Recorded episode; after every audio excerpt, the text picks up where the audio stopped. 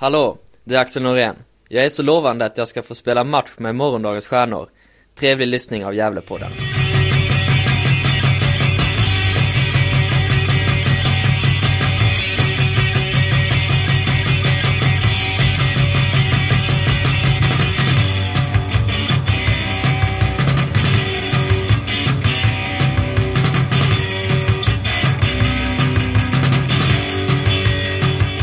Hallå allesammans och hjärtligt välkomna till Gävlepodden nummer 157.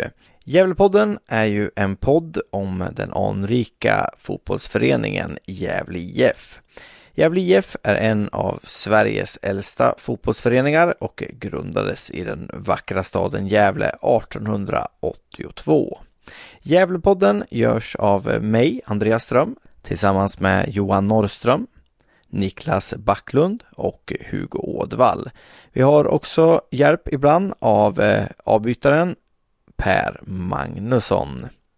I den här podden får vi först lyssna till ett snack som jag, Johan Norrström och Hugo Ådvall hade, där vi går igenom Gävle IFs trupp anno 2019 och försöker sätta en procent på hur troligt det är att eh, olika spelare stannar kvar i Gävle IF. Efter detta får vi lyssna på en eh, väldigt intressant intervju som eh, Hugo Ådvall gjorde med Sandvikens AIKs mycket lovande fotbollstränare Eldar Abdullic. Där Eldar pratar om eh, sin ambition med tränarkarriären. Han pratar om SAIKs säsong i division 3 han pratar också om eh, Gävle IFs säsong och hans syn på den. Men också hur eh, Poya Asbaghi och Pelle Olsson har inspirerat honom. Det och mycket mer får ni lyssna till i Hugo Ådvalls mycket intressanta intervju med Eldar Abdulic.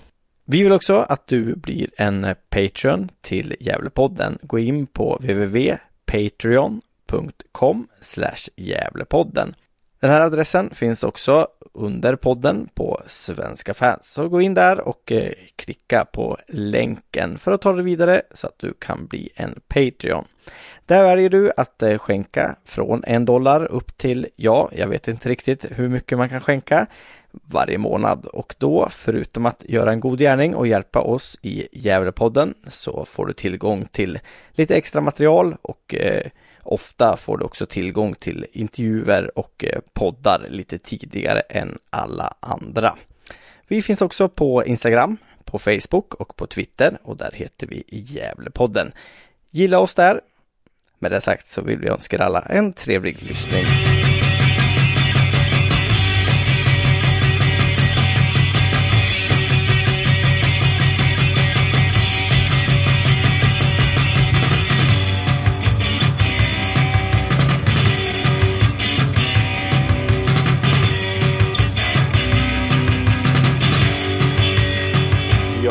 Allihopa och eh, hjärtligt välkomna till Gävlepodden nummer 157.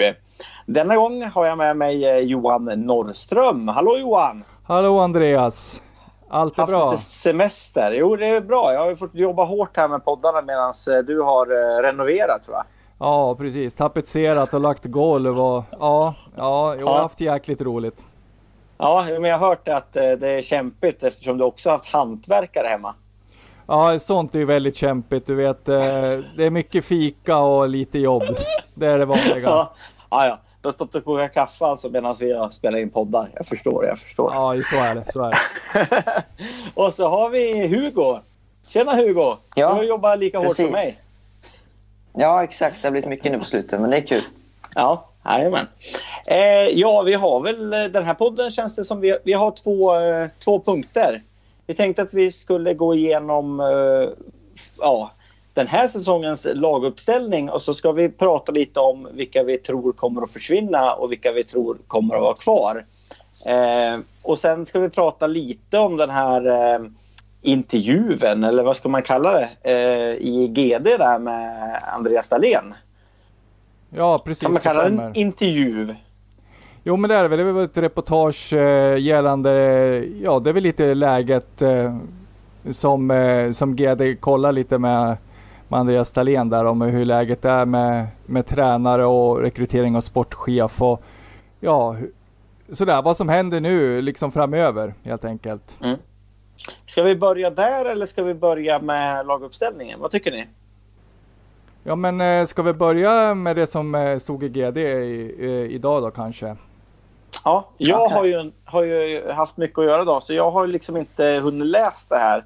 Men det har ju ni två så jag tänkte att, eh, att ni kunna, då kan ni diskutera det där och så kan jag ställa lite frågor om jag känner att ni är otydliga eller så. Mm. Ja, jag vet inte, vill du börja Hugo? Nej, men kör du. Ja, eh, vet du det, det som eh, man egentligen kan, liksom, nu har man ju läst lite mellan raderna men det, det, känns ju lite som att när man läser artikeln att eh, man kommer att fortsätta att ge Marcus Bengtsson nytt förtroende och, och att eh, träna laget även nästa säsong. Eh, det var den uppfattning jag fick i alla fall när jag eh, läste artikeln. Eh, jag vet inte, du var väl av en eh, liknande åsikt Hugo tror jag när vi, vi pratade lite på Messenger tidigare.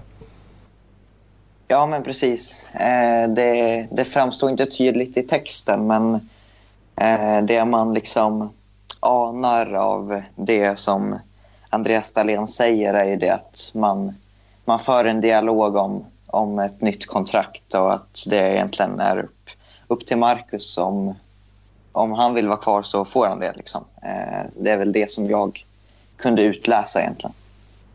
Mm, ja precis, ja, så tolkar jag det också. Och, eh, ja, eh, man, blir, man ställer sig lite frågande till det, kring det där att eh, vilken ordning man gör saker och ting på. Om, om det här nu stämmer liksom som, som det är så att man, eh, man redan nu pratar om en förlängning med Marcus då, så, vet du, så blir man lite fundersam liksom på det här med sportchef och, för att eh, den rekryteringen verkar ju ta lite längre tid. Och eh, då funderar jag lite på eh, vad sportchefens roll kommer att bli. Eh, om liksom allting redan är klart när han, eh, ja, när, den, när han liksom kommer till jobbet eller när han kommer till klubben. Ja, är det så som ni eh, tolkar det då, då kan man ju lika gärna skita anställa en sportchef och så kan man ju vänta med och, till att rekrytera den i augusti någon gång och så kan han börja i november nästa år. Eh, när den säsongen är slut. Så, så känner jag.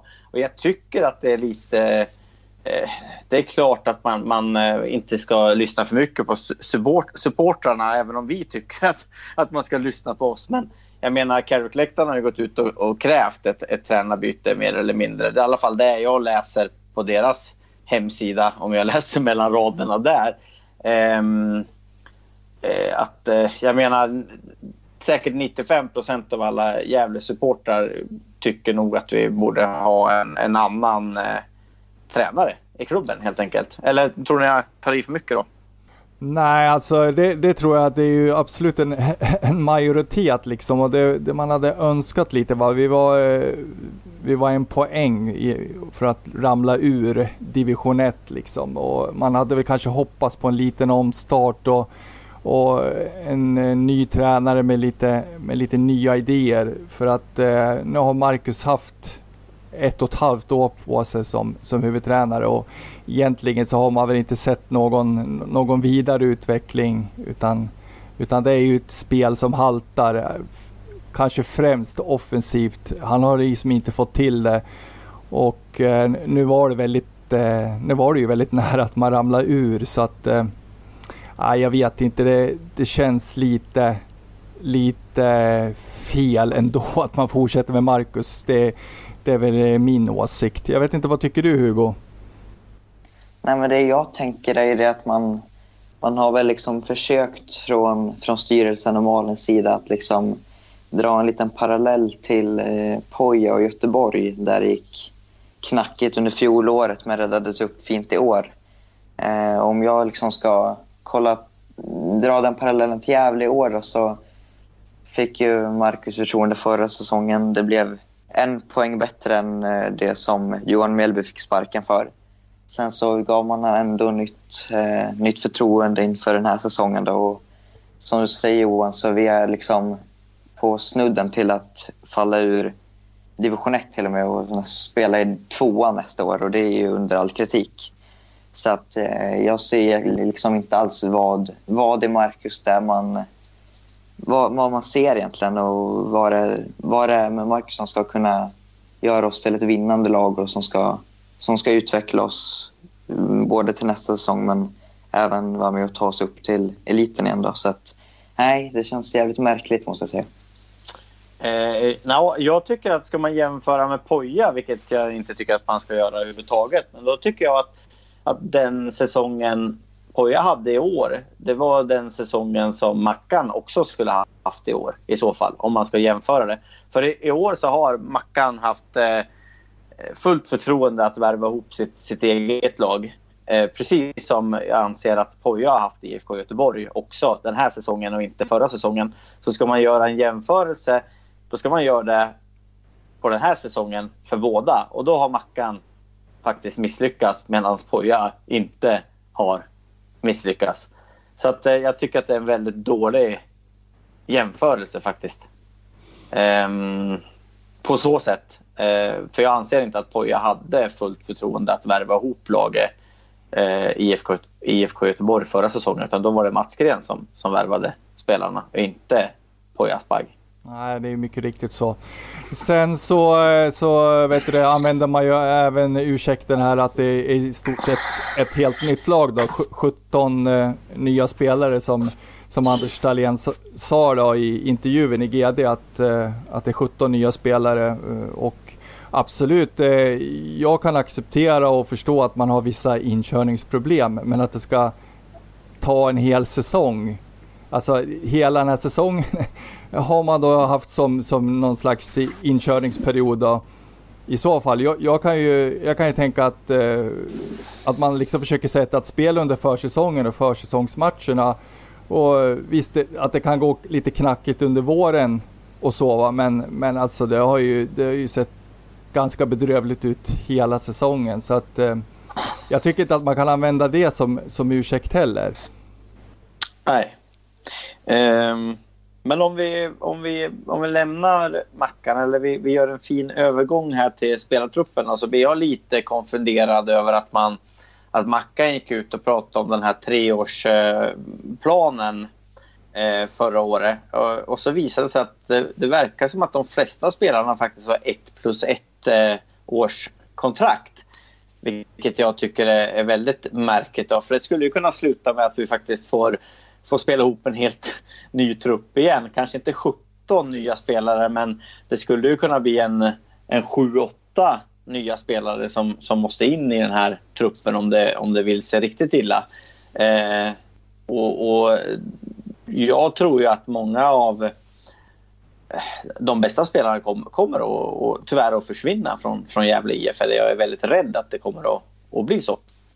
Ja, de mest eh, tongivande spelarna eh, den här säsongen eh, ser kanske ut att försvinna då, om det, om det stämmer det här med, med att kontrakten är på ett plus ett. För att det innebär väl att, att båda parter liksom har möjlighet att bryta också, misstänker jag. Va? Så att och jag vet att det var några spekulationer om eh, att klubben fick lite kritik för att, eh, för att, eh, ja, att man i princip skulle ge bort spelare nu då och eh, inte få något betalt.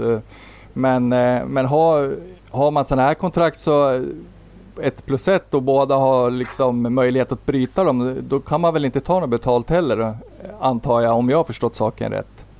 Nej, jag, jag tror att det blir väldigt svårt överhuvudtaget att, att få eh, eh, någon, någon riktig betalning från, från division 1. Då, då ska det ju vara någon, någon ung spelare som man har ett, ett fler, flerårs eh, kontrakt med. Typ Linus Mattsson i, i så fall. Den typen av, av spelare, eh, tror jag. Eh, jag tror att det är väldigt svårt att, att, att få, få bra betalt för spelare i, i, i division 1. Tyvärr. Ehm, men ska vi försöka gå igenom truppen då? Om man säger så att eh, eh 100 procent, om man är 100 procent säker på att, att personen stannar och, och, noll, då är man helt säker på att de, att de försvinner. Eh, ska vi börja med, med Jake Maguire då, våran duktiga målvakt. Eh, och jag kan väl börja med att säga att jag, jag tror att eh, det är kanske är 10% chans att, att Jake eh, stannar. Jag tror att han, eh, han kommer att, att försvinna och vi kommer att få leta en, en ny målvakt. Det stod väl i GD också att han ska provträna med, med Örebro, tror jag. Eh, så att eh, 10 procent är att Jake Maguire kommer att spela i Gävle IF nästa år. Mm, vad tror du Hugo? Ja, jag tror inte ens vi kan ha en så pass hög siffra. Jag tror vi är nere på, om inte noll så ja, tre, fyra, fem kanske. Eh, jag tror ju att eh, blir det ingenting i Örebro så hittar ju han en klubb i, eh, i ett annat allsvenskt lag eller eh, all, åtminstone ett eh, superettanlag. Så att nej, Jake är för mig helt, helt borta. Ja, jag tror precis som du Hugo och eh, som sagt jag fick eh, höra i, ja, vad var det igår tror jag, att vet du, det finns även intresse för, för Jake från klubbar i superettan så att eh, mm, han, eh, han kommer nog få fler chanser kanske att provspela eller kanske bli värvad rakt av. Så att eh, nej, jag tror att vi kan eh, räkna bort Jake. Då går vi över till, till William Lindqvist som vi inte har sett så mycket av. Det är ju vår andra målvakt född eh, 99. Eh, jag vet inte så mycket om honom. Eh, hur mycket vet du Hugo? Nej, inte så mycket alls. Eh, jag har sett honom under ett fåtal träningar på Gavlevallen i år. Och det är väl en, en relativt spännande egen produkt. Eh, mm, är väl bara 19-20 år vad jag vet. Så att, finns väl absolut no, no, någonting i hand men det är en oerhört oetablerad seniormålvakt. Eh, så. Mm. Ja, men eh, vi, vi, tror väl att han eh, stannar till, till 90 procent i alla fall. Det tror jag. Ja. Ja, absolut. Ja. Jag tror han blir kvar eh, helt klart så. Men eh, absolut inte redo för att, eh, för att bli någon första målvakt i, i Gävle nästa säsong. Nej, Eh, vi hoppar över till våra försvarare och börjar med Albin Luekangas. Eh, Albin är ju en, en, en duktig försvarare, inget snack. Men jag, jag tror att en 70-75 procent i alla fall att han, eh, han blir kvar. Det tror jag ju. Ja, jag håller med och jag hoppas, jag hoppas verkligen att eh, Louis Kangas blir kvar. Eh, en av, eh, en av de här spelarna som vi pratade om som har varit tongivande den här säsongen också. Och, ja, är väl en av några få som kanske har utvecklats och ja, blivit bättre den här säsongen. Så att det, ja, nej, jag, jag säger väl 90 procent. Jag, jag tror att han vill vara kvar i Gävle. Ja, det är samma känsla som jag får. Det känns som en, en trogen eh, GIF-kille som kommer bli kvar även, även nästa säsong. Eh, vad jag vet så eh, ja, men har han ett jävla hjärta så är jag också en spelare som jag tror kan bli oerhört viktig att bygga ett lag kring tillsammans med eh, till exempel Sebbe Sandlund och, och så vidare. En, en, eh, en riktig GIF-kille och jag ser också 90 procent på att han blir kvar. Ja, det som ställer till det lite för mig det är ju de här intervjuerna som man har gjort när, man, när de låter väldigt sådär osäkra. Men det, det har jag förstått beror på att man inte får uttala sig om, om kontraktslängd och, och annat. Men nej, jag hoppas också eh, Loe blir kvar. Riktigt, riktigt bra spelare som har utvecklats väldigt mycket i, i år. Eh, Frej Engberg eh, gick in de två sista matcherna och, och visade, tycker jag, att han, eh, han har en, eh, en eh, hög högsta nivå. Ja, verkligen. Eh, det är ju en, det är nästan en gåta att han, är, att han har spelat så lite som han har gjort för att eh, och sen är det väl en, det är en kille som verkar vara en pådrivare också och ger alltid 100 procent och i, i, varje match liksom och sådär. Så att eh, nej, jag hoppas verkligen att Frej blir kvar. Eh, och tror att han blir kvar. Mm, så ja, en 75-80% chans. Det tror jag. Att vi får se Frej i Gävletröjan även nästa säsong. Ja, och jag, hopp jag hoppas också att Frej blir kvar. En spelare som jag tycker håller för den här nivån. Eh, också en gåta för mig att han inte att han blev så isolerad som han blev där mellan, ja, från juni fram till nu de här sista omgångarna. Eh, det är väl också det som gör mig lite, om det är någonting som, då, som ska göra mig lite smått orolig så är det väl det då, om han, om han vill riskera att det ska bli så även nästa säsong eller om han eh, på grund av det skulle vilja ha ett miljöbyte. Men annars så är, är det en av spelarna som verkligen ser ut att trivas på Galvallen och gillar klubben och så när man, när man är och ser träningarna och en väldigt schysst kille. Så att, nej, det är spelare jag vill ha kvar och jag sätter väl också en 80-90 mm, procent på att, på att han spelar i Gävletröjan nästa år. Ja, och jag tycker att han ska spela till vänster och inte som, som mittback. För det har också varit en så, sån där grej. Jag tycker att han är, han är bäst som vänster. Och jag hoppas ju lite på, på ett... Eh, att man kanske kan spela 4-3-3 istället nästa år. Och då, då, eh, då tycker jag att han skulle vara gjuten som, som vänsterback. Eh, jag tycker väl kanske inte riktigt att han har de rätta egenskaperna för att spela, spela wingback. Men eh, som vänsterback så, så tycker jag han är eh, klockren. Så jag säger ja, 75-80 procent. Eh, jag är lite rädd för att eh, han har suttit lite för mycket på, på bänken helt enkelt. Um, nu skriker mina barn på mig här, men det får ni stå ut med. Vi går vidare till Jakob Ejeblad. Tycker att det är en spännande spelare, Jakob. Eh, och jag tycker att han är spännande som, som mittback. Eh, alternativt kanske högerback, men eh, han är inte heller någon, någon tycker jag, utan eh, kanske bättre centralt.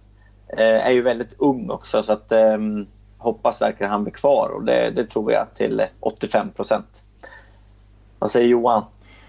Ja, men jag håller med dig. Det, han, eh, han, såg väldigt eh, spännande ut och gjorde absolut inte bort sig när han eh, spelade som mittback. Eh, och eh, men det funkade ju liksom inte riktigt ute, ute som, eh, som, som wing då, som, som du var inne på. Utan, utan ja, nej, väldigt, väldigt lovande kille. Också, verkar, verkar också vara en sån där glad liksom, glädjespridare i, i truppen och, och pådrivare och sådär trots sin, sin unga ålder. Så att, nej, jag hoppas verkligen att han blir kvar.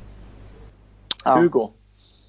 Samma här. Eh, jag har inte så mycket att fylla egentligen. Håller med båda. Det är en, en ung eh, och lovande spelare som egentligen alla andra i laget. Eh, har, har gjort det bra ifrån sig i de matcher han har fått spela i år och kan nog utvecklas ännu mer eh, om han skulle få fortsatt förtroende nästa säsong. Så att, nej, jag tror att Jakob kommer bli kvar nästa säsong. Yes, då går vi över. Um här är uh, Jaja uppsatt som mittback i den här uppställningen jag har. Så vi tar väl Jaja helt enkelt.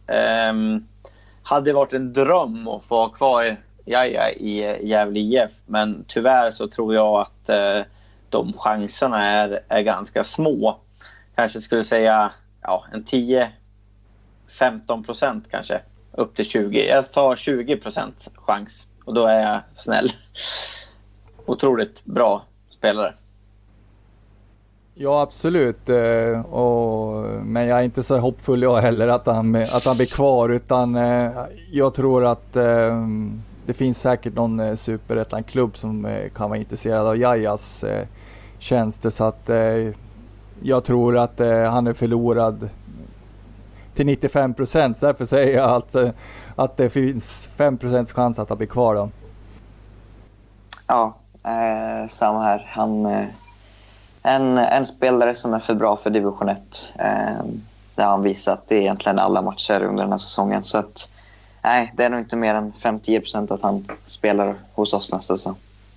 Nej, och sen eh, har vi Axel Norén då, som jag tycker är en, eh, en solid eh, mittback. Och, eh, jag tycker att i den uppställning vi spelar nu så är han bäst i den, den centrala rollen i, i en trebackslinje. Den som Jaja också är bäst i. Eh, och kanske har mer problem när han spelar på en, på en ytter mittbacksplats. Men eh, Axel är ju otroligt lovande mittback och han kom ju med i det här... Eh, jag kommer inte ihåg vad det här hette. Kommer du ihåg Hugo? Det var ju något sånt där mest ja, Morgondagens stjärnor. Morgondagens stjärnor, så hette det ja. Precis. Eh, och det betyder väl att han, att, han anses vara den som är mest lovande i Gävle. Och, och, eh, jag tror att Axel kommer att vara kvar till 90 procent. så tror jag att han tar en säsong, minst en säsong till i, i Gävle IF. Verkar vara en kille som, som tycker om klubben och, och eh, ja, funkar bra med de andra spelarna också. Ja, nej, jag håller med. Eh, till fullo, till fullo. Eh, och eh, jag hoppas verkligen att eh, Axel blir kvar också. Det gör jag. Ja, vad tror du då Hugo? Nej, jag håller också med. Jag eh, tyckte att Axel tog eh, ännu fler kliv under bara de avslutande matcherna i år. Tyckte han blir mer och mer ledande och drivande där i backlinjen och liksom var, var väl också en anledning till att vi inte släppte in så himla mycket mål i de sista 5-10 matcherna egentligen.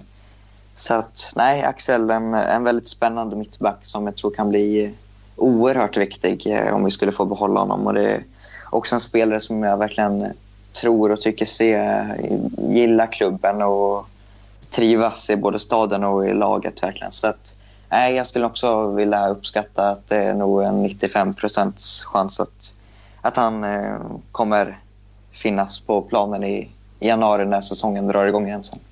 Jo men han klev ju verkligen fram och lyfte ju verkligen de här två sista matcherna och eh, han gick, liksom klev ju fram och var, vart liksom en ledare och, och och eh, så, där, så därför så tycker man ju att det, det vore ju jäkligt skönt om man, om, om man stannar och, för det skulle bli jäkligt intressant att se eh, om man kan utvecklas och bli ännu bättre nästa säsong. Ja men vi knallar vidare då eh, till eh, mittfältarna. Eh, och den här eh, listan tycker jag väl stämmer lite sådär. Så att, eh, eh, vi börjar med Kevin Persson då som eh, är uppsatt som mittfältare här men som eh, jag anser vara mittback nu. Och det är inget snack. Eh, jag tror Kevin blir kvar i, Gävle och jag tycker att han har utvecklats bra. Så att, eh, det är 95 procent eh, på att han, han blir kvar. Ja, nej, jag håller med. Jag hoppas att att Kevin blir kvar eh, och han har väl gjort en eh, liknande resa eh, som Axel Norén egentligen kan man väl säga att de har ju verkligen spelat upp sig båda två under hösten här och jag var ju lite inne på det. Jag sa det till jag sa det till Hugo också när vi var i Sollentuna och såg sista matchen där att det här måste ju ha varit Kevin Perssons absolut bästa match. Han, han var riktigt, riktigt bra tycker jag. Mm. Mm. Men sen eh, fortsätter vi med Nisse Nilsson då. Eh, som har spelat eh, mest wingback. Och eh, nej, nej, jag, Nisse kommer att bli kvar. Jag är helt säker på det. Han, eh, han, han kommer att spela jävligt. 95 procent på honom också. Ja. 99 skulle jag vilja säga. Det är en, en, en jävlig kille. Eh, och visst, det kan vara bra att ha kvar honom tror jag. Eh, viktigt att vi får att vi får behålla några spelare och ha kvar en stomme så att det inte blir eh, ett helt nytt lag även nästa säsong. Eh, Nisse tycker jag egentligen som eh, stora delar av laget ändå spelade upp sig i slutet. Det kändes som att även han eh, och egentligen hela laget verkligen in, insåg allvaret och alla liksom ja, verkligen eh, krigade in i det sista. Och det gjorde att vi lyckades hålla oss kvar. Och han gjorde även målet mot Karlslund som nu med facit hand kanske ändå var det målet som gjorde att vi, vi behöll livet in i sista omgången och där vi säkrade allt. Så att, nej, Nisse, Nisse blir kvar nästa säsong. Oh, ja. ja, han, han, eh, han är gjuten i min 4-3-3 där på en eh, höger forwardsplats. Ska lägga till det, så han måste vara kvar. Ja, nej, jag, var in, jag var inne lite, eller jag tänkte så att du skulle säga det jag också, att, vet du det, innan du avbröt mig. Eh, att, ähm, vet du Nisse var ju väldigt glad eh, när han skrev på att han, att han hade liksom, när han hade gjort några år i, i Valbo så fick han komma tillbaks till Gävle och att jag vet att han var jävligt, jäkligt glad. Äh, mm. Då när han skrev på. Äh, och Eh, och, sen så tänkte jag säga det att jag, jag hoppas att han eh, kommer att använda honom som anfallare nästa säsong. Eh, för att jag tycker inte att riktigt att han har funkat ute som wing. Ändå tycker jag att han är typ, förutom Facker då, som vi kanske inte ska prata om eftersom det är 0% chans att han blir kvar. Ja. Men eh, jag tycker ändå att Nisse kanske är den som har fungerat bäst som wing och det säger ju en hel del tycker jag om, om det här wing-problemet i, i Gävle IF. Men det kan vi ta i en annan podd. Eh, vi går vidare till Adrian Bjerkendal Haranen. Eh, jag, jag vill ha Adrian kvar, det är inget snack. Det är en kille född eh, 98. Han är, blir alltså 22 om jag har räknat det rätt. Eh, han har fått väldigt mycket matcher i, i bena i, i år. Eh, och jag tror att han blir kvar till, till eh, 99 procent eh, också. Eh, men det är klart att Adrian ska, ska vara kvar. Jag vet att han nog, kontraktet går nog ut, men jag tycker nog att man ska eh, skriva ett, ett nytt ett eller två med, med Adrian. Mm. Den utskällde Haranen. ja, så är det ju. Men, ja. Eh, ja men han har mm. haft ett eh, tufft år men eh, ändå spelat upp sig tycker jag på, eh, på slutet här. Nu, nu har varit han ju, ja han varit ju bänkspelare här på slutet men han har ju, han har ju gjort bra inhopp tycker jag och är ung. Så att jag håller med att att man bör nog förlänga med, med Haranen. Han har, han har eh, liksom potential att, att bli bättre. Eh, så att jag tror absolut att han blir kvar och blir det så att det blir klart att det är Marcus som tränar Gävle nästa säsong så, så skulle jag vilja säga att det är 100% säkerhet att Haranen också kommer att spela i Gävle då nästa säsong, det tror jag. Mm. Hade du något att tillägga Hugo eller ska vi köra vidare? Nej, kör vidare. Ja, jag, Linus Mattsson står inte med på den här listan så vi, vi tar han så inte vi glömmer bort han. Eh, jag tror, och nu tror jag bara, att han är en av dem som har ett lite längre kontrakt i Gävle. Eh, som nog hade blivit uppsagd om vi hade åkt ner i division 2. Eh, men jag tror att, eh, att eh, Linus kommer att, att bli kvar i Gävle i alla fall en säsong till. Och så kan man ju hoppas att han, eh, att han gör braksuccé nästa år och att eh, någon annan vill köpa honom eh, innan kontraktet eh, går ut. För det är nog en spelare som vi, vi kan få betalt för i, i framtiden. Men jag tror att det är i alla fall 85 procents chans att han blir kvar i Gävle IF, den gode Linus Mattsson. Jo men det är ju en eh, långsiktig, eh, jag menar både klubben och, och, jag tror att Linus själv också har vi sett den här uh, övergången till Gävle och att eh, spela Gävle som någonting, ett lite långsiktigare eh, liksom projekt. Eh, och eh, jag tror nog absolut att både Gävle och eh, Linus vet du, vill, vill att, att han fortsätter nästa säsong så att säga. Det tror jag. Ja, Eh, Hugo? Ja, nej men eh, vad jag har eh, hört så eh, har Linus kontrakt även till och med 2021. Så att eh, det, det, det, stämmer att han, att han har ett längre kontrakt. Eh, och jag skulle också vilja påstå att det är en 85-90 procents chans att han, att han blir kvar. Jag tror han ser Gävle som en, en eh, relativt långsiktig plan i hans karriär. Att det är här han ska ta ta nästa steg eh, på seniornivå. Då. Och det blir förhoppningsvis nästa år. Eh, liksom han, han fyller väl 17 nästa år om jag inte har helt fel. Och då, då är det väl nästa steg ska komma, eh, åtminstone på division 1-nivå. Så att, eh, nej, det är bara att hoppas och jag tror att han blir kvar. Ja, då går vi över till eh, Måns Berggren då. Eh, nästa eh, lovande egna produkt. Eh, och där, eh, jag tycker man har sett eh, fina, att det, det, kan bli bra med, med Måns helt enkelt. Han, eh, han har gjort några matcher då man har sett hans, hans potential. Och där tror jag också att det är ja, 98 procent säkert att, att Måns blir kvar nästa år och kan fortsätta utvecklas i, i Gävle IF. Ja absolut, det är ju en egen produkt och eh, det är väl ganska självklart tror jag att klubben eh, vill ha, ha Måns kvar och eh, så att eh, jag tror att eh, jag tror att det blir så. Jag tror att han blir kvar, helt klart. Hugo? Ja, nej, men Måns tog eh, steg också under hösten.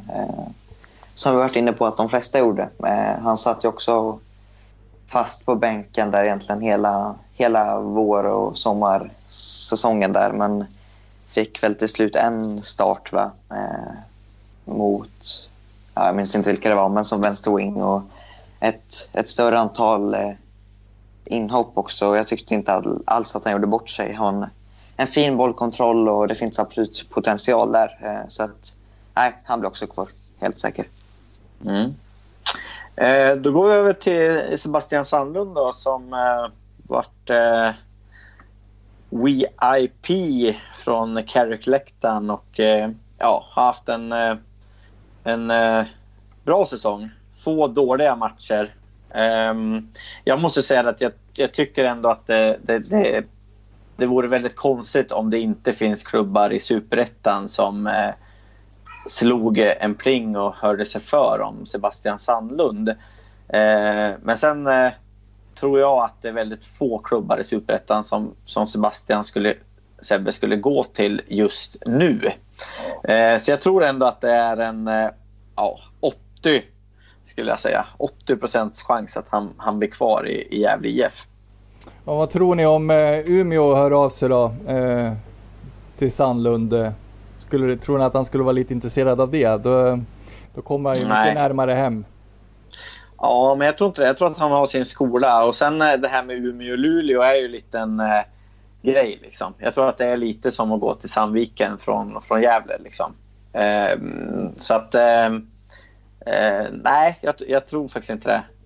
Nej, han verkar trivas väldigt bra i, i klubben och han, han eh, gillar Gävle IF. Han gillar Gävle och han gillar fansen och han, han gillar Gavlevallen. Liksom. Han känns väldigt sådär att han... Eh, det, det, måste till någonting alldeles extra liksom, för att han ska gå. Mm. Ja, jag hoppas verkligen du har rätt. Eh, jag, jag vill hemskt gärna ha Sebbe kvar. Det vill jag ha. Vad tror mm. du då Hugo? Ja, nej, jag håller med. Jag tror som dig Andreas att jag tycker att grunden till en ny Jonas Lant har nästan börjat lagts här. Jag tycker det känns som egentligen varenda intervju med Sebbe att han, han trivs otroligt bra eh, i Gävle stad och eh, Gävle, i Gävle IF eh, fotbollsförening. Eh, det känns som att han verkligen älskar klubben och allt liksom runt omkring. Eh, mm. Och har ju varit tydlig ända sen, sen i somras liksom att, han, att han blir kvar nästa säsong. Så att, eh, Eh, och nu när Luleå kommer upp i samma serie tror jag att det kan locka lite, eh, alltså att eh, kittla lite för honom att få möta gamla, gamla laget och lagkompisar och sådär. Så att, nej, jag är helt övertygad om att Sebbe blir kvar och det är nästan ett måste. Jag ser som att det egentligen är på Sebbe liksom nästa års trupp och så kommer att byggas kring. Han är, han är vår lagkapten och den här säsongens ja, viktigaste spelare vart han utrustad till. Så att, nej, det betyder jättemycket om vi skulle få behålla Sebbe och jag skulle säga att det är en 90% chans att han spelar hos oss även nästa säsong. Ja, eh, Ska vi lämna mittfältarna då, så går vi över till eh, Isak Rojas. Eh, kanske den spelare som eh, förvånade mest den här säsongen eh, positivt. Ehm, men jag tror att det kommer bli svårt att, behålla eh, Isak Rojas. Ja, ja, 40 procent kanske, någonting sånt skulle jag tippa på, på Rojas. Det känns lite som att han är på väg och som att han tycker att han själv är, ganska bra. Ja, jag vet inte. Det är så, jag tycker att eh, jag är lite inne på, på samma spår som dig. Det, han det har inte riktigt, eh, han har liksom, det är inte lyst någon direkt harmoni om honom här under hösten utan eh, och det får en att eh, fundera lite grann. Utan eh, han var ju väldigt eh, vet du, det sprutade liksom lite om honom. var väldigt spelsugen och, och väldigt så här duktig under våren och försäsongen och, och våren och sådär. Men, men, men någonting har hänt i höst tycker jag lite sådär. Det har inte och eh, jag funderar lite på om man, om man trivs i stan och med studierna och i klubben och lite sådär. Det, så att det, men det, gör, det gör han det gör han ju inte, inte studien i alla fall. Det, det framgick ju i den intervjun som jag gjorde med honom att han trivdes ju inte i skolan och, och sådär. På högskolan. Eh, sen vet jag inte resten, men han... Nej, det känns inte som att... Eh, det känns som att han vill tillbaka till Stockholm kanske. Jag får nästan känslan att han har fått en annan, en annan syn på sin, sin fotbollskarriär nu. Han eh, kom ju till oss som en en defensiv eh, bollvinnande mittfältare som eh, väl nästan hade gett upp fotbollskarriären mer eller mindre känns som. Eh, åkte dit för att plugga och hörde av sig till Mackan själv om han om han kunde få komma in på provspel. Liksom. Och sen så blev det nio mål och um, egentligen en, en succésäsong utifrån förväntningarna. Så jag får nästan känslan av att han gick från att eh, vara på väg att lägga av med fotbollen nästan till att nu eh, lite mer sugen på att spela högre upp och lite som du är inne på, om det var du Johan eller Andreas, eh, att, att han själv känner att han är liksom för bra för GIF nästan. Att, att han ska spela högre upp. Eh, så att, nej, jag tror tyvärr att eh, Isak inte kommer att bli kvar. Jag skulle också kanske säga att det är en, en 30-25 procents chans att, att han är kvar hos oss. Mm glömde ju en mittfältare som är ganska viktig, märkte jag nu. Eh, Io Ranera. Riktigt eh, bra spelare, tycker jag. Och en spelare som... Där skulle jag kanske säga 50-50. Och jag tror att det beror lite på vilka som blir kvar i, i klubben också. Eh, försvinner alla spansktalande spelare så tror jag att det blir svårt att, att behålla EU också utan att veta vad han har för, för kontrakt. Men vi förutsätter att säger vi ingenting annat så har de 1 plus 1. Um, ehm, jag skulle säga 50 procent på, på EU. Även om han verkar trivas i Gävle och trivas i klubben och tycker att det mesta är, är roligt och, och garvar åt allting så, så känner jag ändå en, en viss osäkerhet med Io om han blir kvar eller inte. Undrar om han längtar till varmare väder. Jag vet inte. Ja, nej men jag får väl den känslan också. Jag satt just och funderade på det nu också att det, för att eh, när jag pratade lite med Malin eh, då innan jag gjorde intervjun med henne så, vad heter det, så sa hon ju det att det, det är Jake och det är Ranera, det är de två som faktiskt är de stora självklara ledarna i, i spelartruppen och eh, nu ser det ut som att båda de två försvinner och eh, det är väl någonting som eh, man kanske måste fundera på i, i klubben då om man ska rekrytera här eh, till, till nästa säsong. Att, eh, att man behöver ha in eh, spelare som, som kan ta den där ledarrollen. Eh, för, för precis som, som du Andreas är nog lite inne på att, eh, på att han försvinner. Jag tror att eh, chansen att bli kvar är ju mindre än 50 procent i alla fall.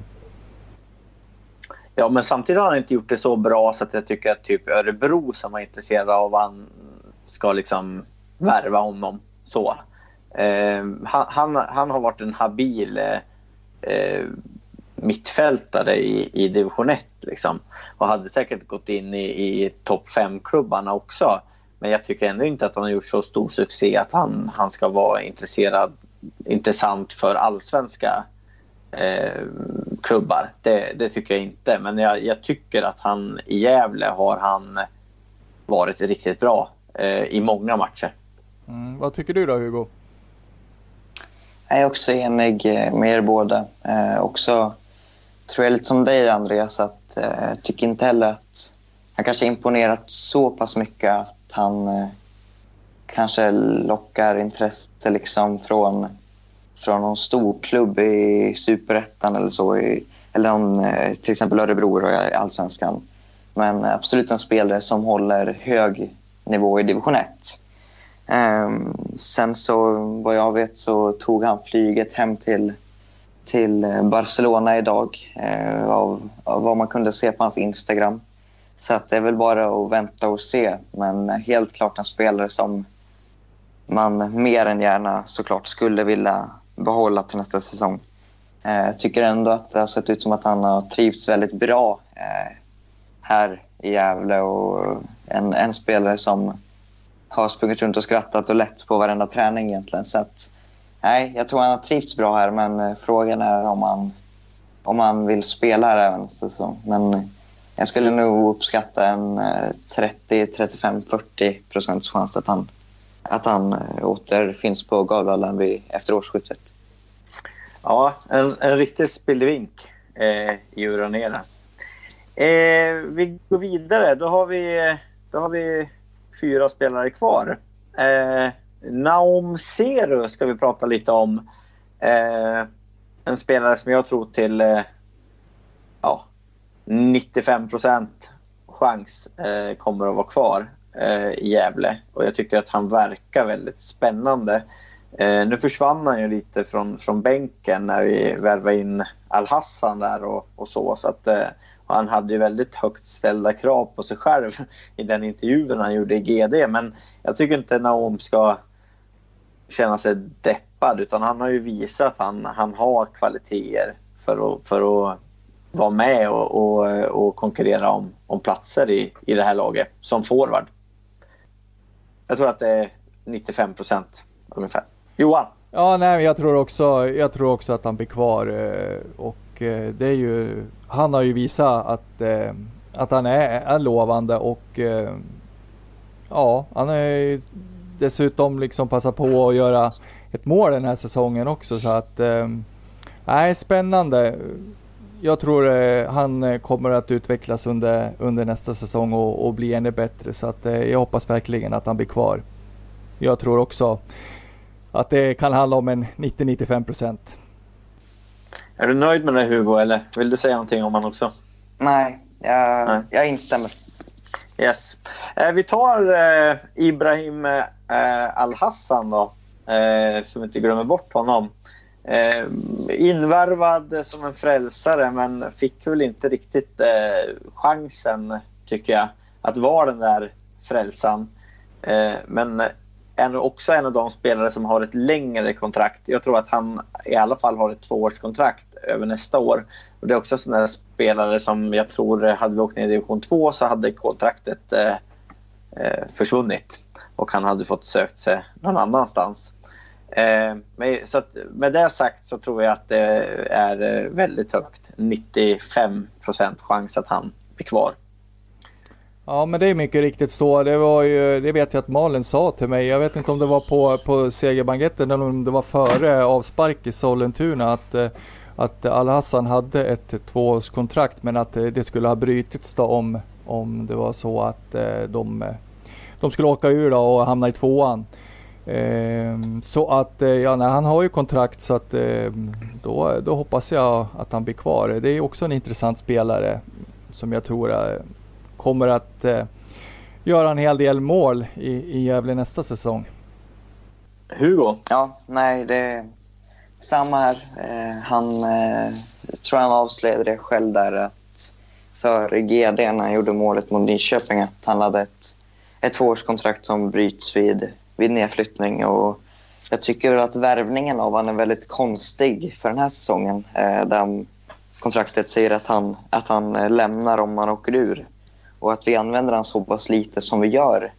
Det är ju liksom bara... Då har man ju fullständigt kastat bort mm, värvningen av honom om man hade åkt ur. Eh, då hade man liksom inte ens använt honom. Eh, och istället betalat ut lön då, liksom, för ingenting. Så att mm. jag tycker värvningen av honom är väldigt, väldigt konstig eh, i och med att han får så lite speltid. Men nu så blir den ju mer förståelig eh, när, när han har kontrakt även över hela, hela nästa säsong i alla fall. Då. Och det ska bli intressant att, att följa honom. Jag är helt säker på att han, att han blir kvar. Eh, så att, nej, det är bara att hoppas att han kan fortsätta utvecklas och nästan för mål, det har han nu. Det fick vi ju se. Ja, Eh, vi går över till eh, nummer sju, Julio Fernandes. Eh, våran brasilianare eh, och kanske den, den bästa spelaren jag har sett på, eh, på Bicicletas och, och volleyskott liggandes i luften och sådär. Men spela har han ju gjort lite mindre om man säger så. Eh, jag tror att Julio vill vara kvar men eh, jag är inte så säker på att Gävle vill ha kvar Julio. Så att, eh, jag skulle säga att det är kanske 50-50 eller till och med 40-60 till att han eh, kommer att, eh, att försvinna ifrån eh, Gävle IF. Um, ehm, och eh, blir Mackan kvar så tror jag definitivt att, att Sköljus dagar i Gävle är, eh, är räknade. Eh, jag tror. Men skulle vi få in en ny tränare så, så jag ser eh, potential i, i Julio. Alltså jag, jag ser att han skulle kunna bli en, en bra spelare. Även han har snabbhet, han skjuter bra med bägge fötterna. Han, eh, han är liksom spektakulär men han, han kan också vara väldigt, väldigt vilsen i, i anfallsspelet. Och, ja, eh, han är svår, men jag 40 procent skulle jag säga. Ja, jag är ju lite omvänt frälst egentligen. Jag var ju ganska mycket emot den där värvningen och jag förstod väl inte riktigt vad, vad, vad du Andreas såg i, i vet du, Fernandes här nu i våras och så va. Eh, men jag säger halvt ändå. Eh, för att eh, ja, han har ju varit eh, han har ju varit iskallare än en bortglömd pigerin liksom i, i någon frysbox någonstans liksom. Det, jag, jag vet inte riktigt eh, eh, vad, om han har kommit på kant med Marcus eller vad, vad, vad det kan vara. För, för det, han har ju fått obegripligt lite speltid egentligen. Eh, med tanke på hur anfallsspelet har sett ut den här säsongen också så, så förstår man ju inte varför han har, Marcus inte har försökt med lite olika alternativ och uh, olika anfallare och så. Och sådär så att Nej, jag, jag, tror att, eh, jag tror att man har, bestämt sig för att, eh, att man inte kommer att fortsätta med Fernandes. Det tror jag. Hugo? Nej, jag tror också att det, att det blir någon form av... Eh, jag känner också att det kanske är lite mer 50-50 eh, med Julio. Jag tror som dig Andreas att han trivs oerhört bra och att han, att han själv nog gärna vill vara kvar. Men Eh, Eh, jag tror att det är som sagt upp till klubben att avgöra om man vill ha kvar den eller inte. Och, eh, Mackan gav ju han bevisligen inte något större förtroende i år och därför skulle han göra det nästa år, känner jag. Så att eh, nej, det blir eh, spännande att följa men eh, jag tror att eh, det är väldigt ovisst just nu. Eh, men jag, jag själv skulle nog gärna vilja ha kvar Julio. Det, det händer alltid någonting runt honom. Mm. Ja men eh, alltså någonting måste ju eh, ha hänt eh, mellan honom och Marcus också kan, kan jag känna liksom för att eh, jag vet inte. Jag vet ju att han du har kommunicerat lite med honom både i intervjuer och, och, lite på sociala medier Andreas. Så det känns ju lite som att ja, han säger att han vill spela och, och men att han inte riktigt eh, liksom fått förklarat för sig var, varför att han inte får chansen liksom. Jag vet inte, den uppfattningen har jag fått kanske att liksom kommunikationen mellan Marcus och, och Fernandes har kanske inte varit den bästa. Jag vet inte. Men han skrev ju någonting också, eller han, eh, han gillar ju någonting på Facebook va? när någon skrev någonting, avgå eller något sånt där. Så gillade han väl det. Han tog bort det sen tror jag. Och så, där. så jag tror inte att han liksom... Han är ju väldigt eh, liksom, öppen på sociala medier. Han är ju väldigt liksom, speciell, Julio Fernandes, på det på det sättet. Liksom. Och, och, ibland blir det väl liksom fel för honom. Liksom, hur, eh, hur han, eh, ja, hur han eh, skriver eller gillar och sådär. Så att jag, nej, jag vet inte. Jag tror inte han menar något illa, eh, Julio. Liksom. Och han är ju väldigt pushig också mot de andra när han inte spelar och sådär. Att han, han berömmer sina lagkamrater och han är ju väldigt liksom, ja, eh, verkar ju vara en fin kille så. Sen är det klart att han är besviken över att han själv inte spelar men det verkar inte gå ut över de andra spelarna. Liksom. Jag frågade faktiskt Sebbe där när vi, eh, efter intervjun där och han sa ju det att eh, Julio är ju en fin kille. Liksom. Eh, så en bra lagkamrat och, och sådär. Så att eh, ja, eh, han är svår. Jag hade gärna haft honom kvar faktiskt. För jag känner att det kommer försvinna så mycket spelare från det här laget ändå. Så att det hade faktiskt varit skönt att ha, ha kvar Julio. Mm, ja, det ska bli ehm, spännande att se. Sen, ja, då går vi över till eh, sist då, men inte minst Grace Tanda. Jag vet inte hur många mål han gjorde innan det var färdigt. Har du koll på det Hugo? Åtta? Jag tror att vi landade på åtta, ja. Ja. Eh, och han hade ju kunnat gjort säkert 20 mål om han hade satt alla de chanser han har haft under säsongen. För han har ju har ju missat väldigt mycket bra, bra lägen, Grace.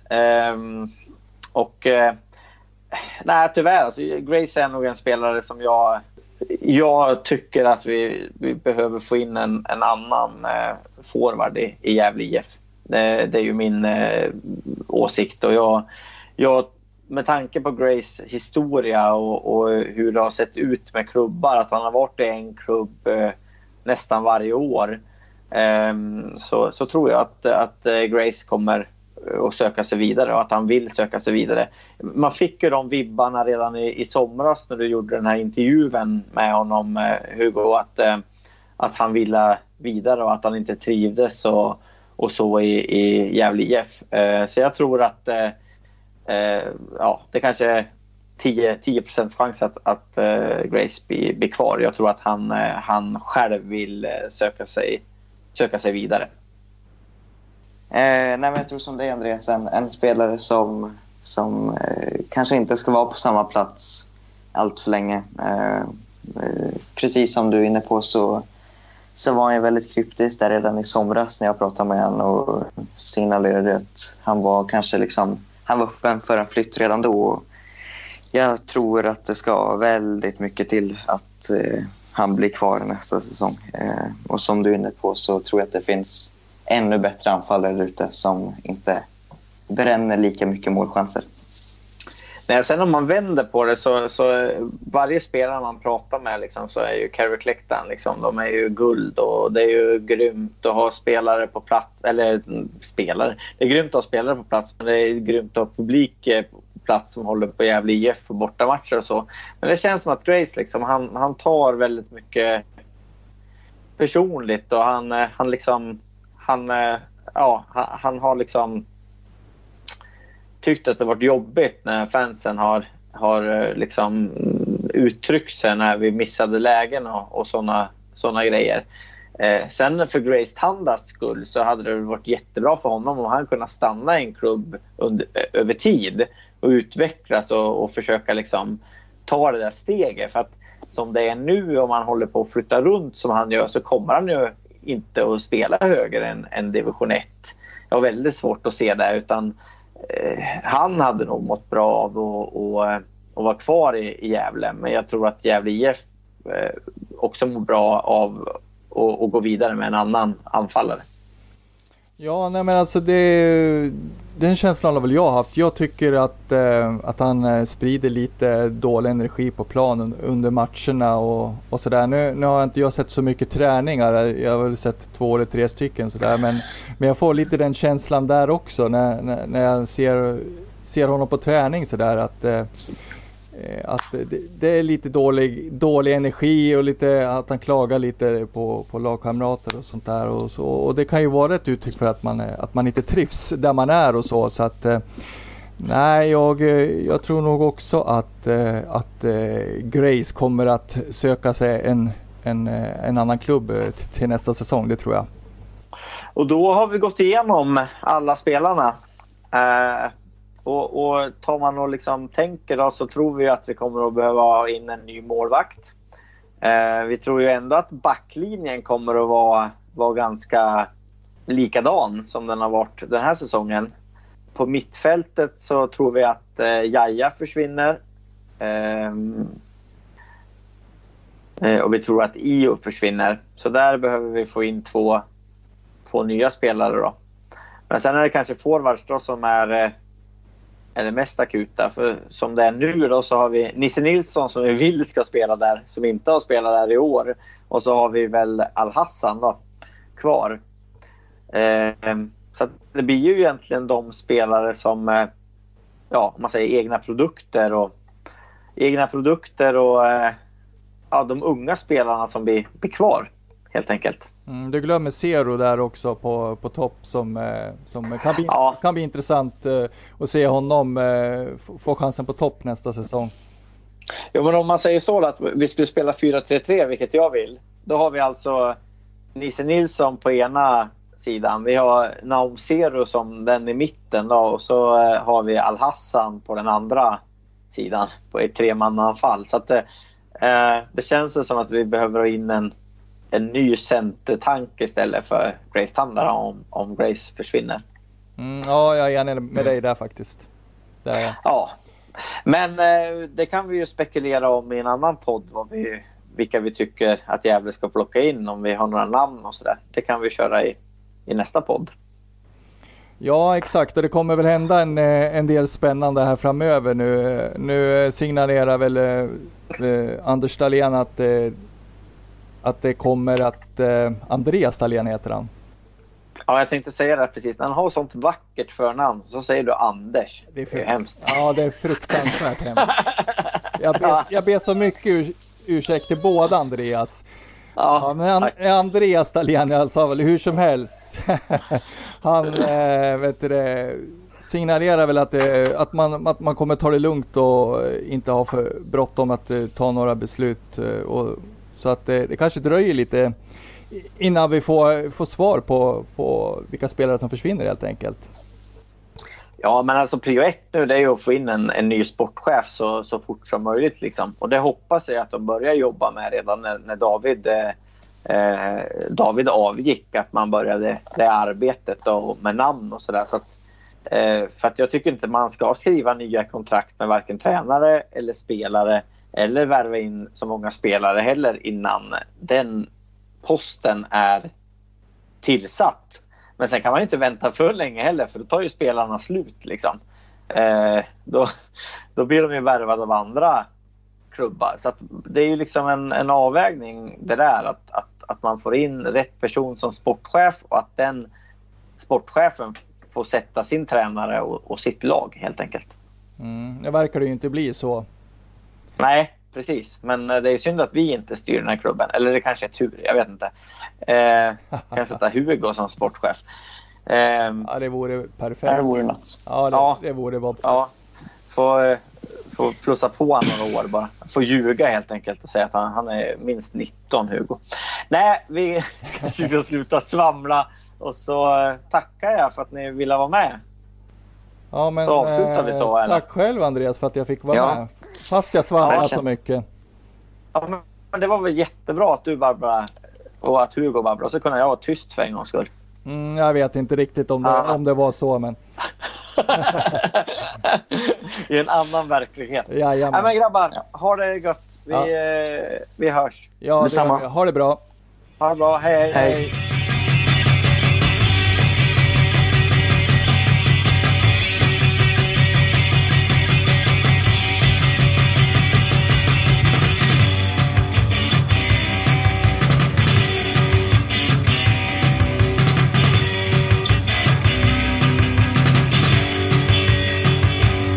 Ja, då får jag säga hej och varmt välkomna till Gävlepodden. Eh, Hugo Ådvall heter jag som pratar eh, och denna måndags eftermiddag befinner jag mig på Waynes Coffee i Gävle. Eh, med mig idag har jag faktiskt för ovanlighetens skull inte en, en person från GIF utan eh, med mig istället har jag eh, Eldar Abdulic, tränare i Sandvikens AIK. Eh, stort tack att du kunde komma hit idag. Eh, tack för att jag får vara med. Mm. Det är en ära. Eh, min tanke är att vi ska gå igenom eh, dig och din tränarkarriär lite grann. Eh, Mm. Årets säsong för er i SAIK. Mm. Eh, men även såklart eh, Gävle IF och deras eh, lite dramatiska säsong. Ja. Eh, och sedan avsluta med lite framtidssnack om både dig och Gävle IF. Låter spännande. Eh, men jag tänkte att vi ska börja lite med en faktaruta på 10 frå- 10 frågor där du ska få två alternativ och få välja ett utav dem då. Mm. Eh, så vi kör igång med det direkt tycker jag. Eh, nummer ett, eh, konstgräs eller naturgräs? Eh, kollar man internationellt så ett bra naturgräs såklart. Men det är inte, jag tror inte det går att få till det i Sverige. Så konstgräs i Sverige. Mm. Trebackslinje eller fyrbackslinje? Eh, beror på egenskaperna som jag har i truppen. Vårsäsong eller höstsäsong? Eh, fotbollssäsong. ja, eh, man-man försvar eller zonförsvar? Eh, jag tenderar mot man-man-försvar. Mm. Tillbakadragen på bänken eller aktiv vid linjen? Eh, extremt aktiv. Mm. Toppklubb utan fans eller bottenklubb med fans? Bottenklubb med fans. 3-0 vinst eller 1-0 med mål eh, på övertidsminut? Eh, det får variera men så ofta som möjligt 3-0 eller fler målsvinst. Serieseger i trean eller träna ett lag högre upp? Både och. Gavlevallen eller Järnvallen? Um, jag har växt upp på Järnvallen men jag måste säga Gavlevallen idag. Och sedan, och sedan sista frågan då, Gävle IF eller Sandvikens IF? Det beror på. Mm. Eh, vi kommer eh, återkomma lite med eh, de, den sista frågan där eh, och Elda ska få motivera sitt, sitt svar. Eh, men jag tänkte att vi går vidare då eh, med lite om din tränarkarriär och du som tränare då. Ja. Om du ska börja berätta om hur det gick till när, när du blev tränare egentligen. Ehm, det var 2012 där jag slutade spela fotboll i Sandvikens IF A-lag. Ehm, då fick jag förfrågan att vara tränare för U17-laget i Sandvikens IF. Ehm, och jag nappade på det för att jag eh, flera år innan så hade jag redan börjat fundera på att bli tränare. Så det var mycket idéer. Mm. Som, ja, så att det var så, 2012, eh, Sandvikens IFs ungdomslag. Mm. Eh, precis, och då så, um, hur länge var du med i i den, det ungdomslaget Sandviken? Eh, vi körde två år eh, med det ungdomslaget och från den generationen så var det ganska många som tog steget upp till A-laget efter det. Eh, några spelar till och med idag. Mm. Så det var två år och sen så fick jag barn och så trappade jag ner lite grann. Och var tränare i division 4 i Kungsgården, spelande tränare. Så det var mest på lek, typ.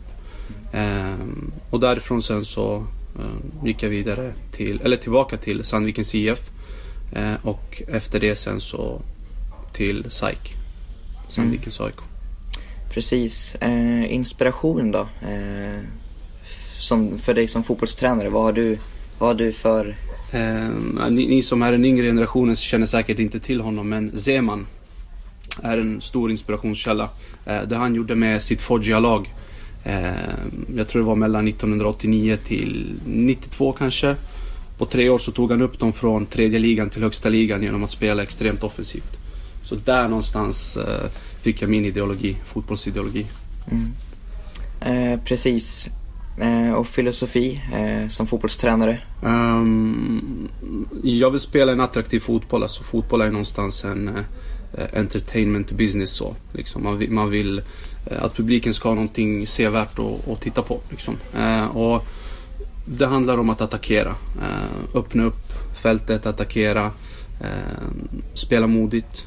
Eh, ja, låta, låta bollen gå liksom i, i, inom laget, slå lagdelar, skapa mycket målchanser, sätta den i djupet och så vidare. Så possession, men, men en possession där man går framåt, inte bara spela runt. Mm. Eh, sen så var det även eh, ett fan som undrade vilken form av utbildning du har som tränare. Eh, jag har UFA utbildning så det är strax, eller precis under Uefa Pro. Mm. Eh, så att, ja, UFA, mm. är min utbildning. Eh, styrkor eh, kontra svagheter som fotbollstränare? Om du ska beskriva dig själv där. Eh, jag tror min absolut starkaste styrka, det är nog att jag har, att jag har drivet. Jag drivs extremt mycket av att göra saker bra. Jag drivs av att lära mig nya saker, jag är nyfiken. Så där tror jag styrkan ligger. Ehm, svagheter finns ganska mycket. Jag tror du skulle få bättre svar om du frågade mina spelare. Eh, det finns mycket att förbättra självklart och det finns det hos allihopa. Eh, men eh, ingenting jag kan peka på riktigt så. Jag var känd för att vara lite naiv förut. Jag attackerade väldigt mycket med många spelare. Men där har jag också börjat hitta en balans. Så, ja, jag tenderar att vara väldigt offensiv så att jag tror det kan ses som svaghet av vissa. Mm. Jag tror att det var du som berättade det för mig för ett tag sedan att under, under den berömda Poja-tiden här i Gävle då, eh, så fanns du med på någon eller några utav hans träningar. Eh, mm. Skulle du vilja berätta mer om det?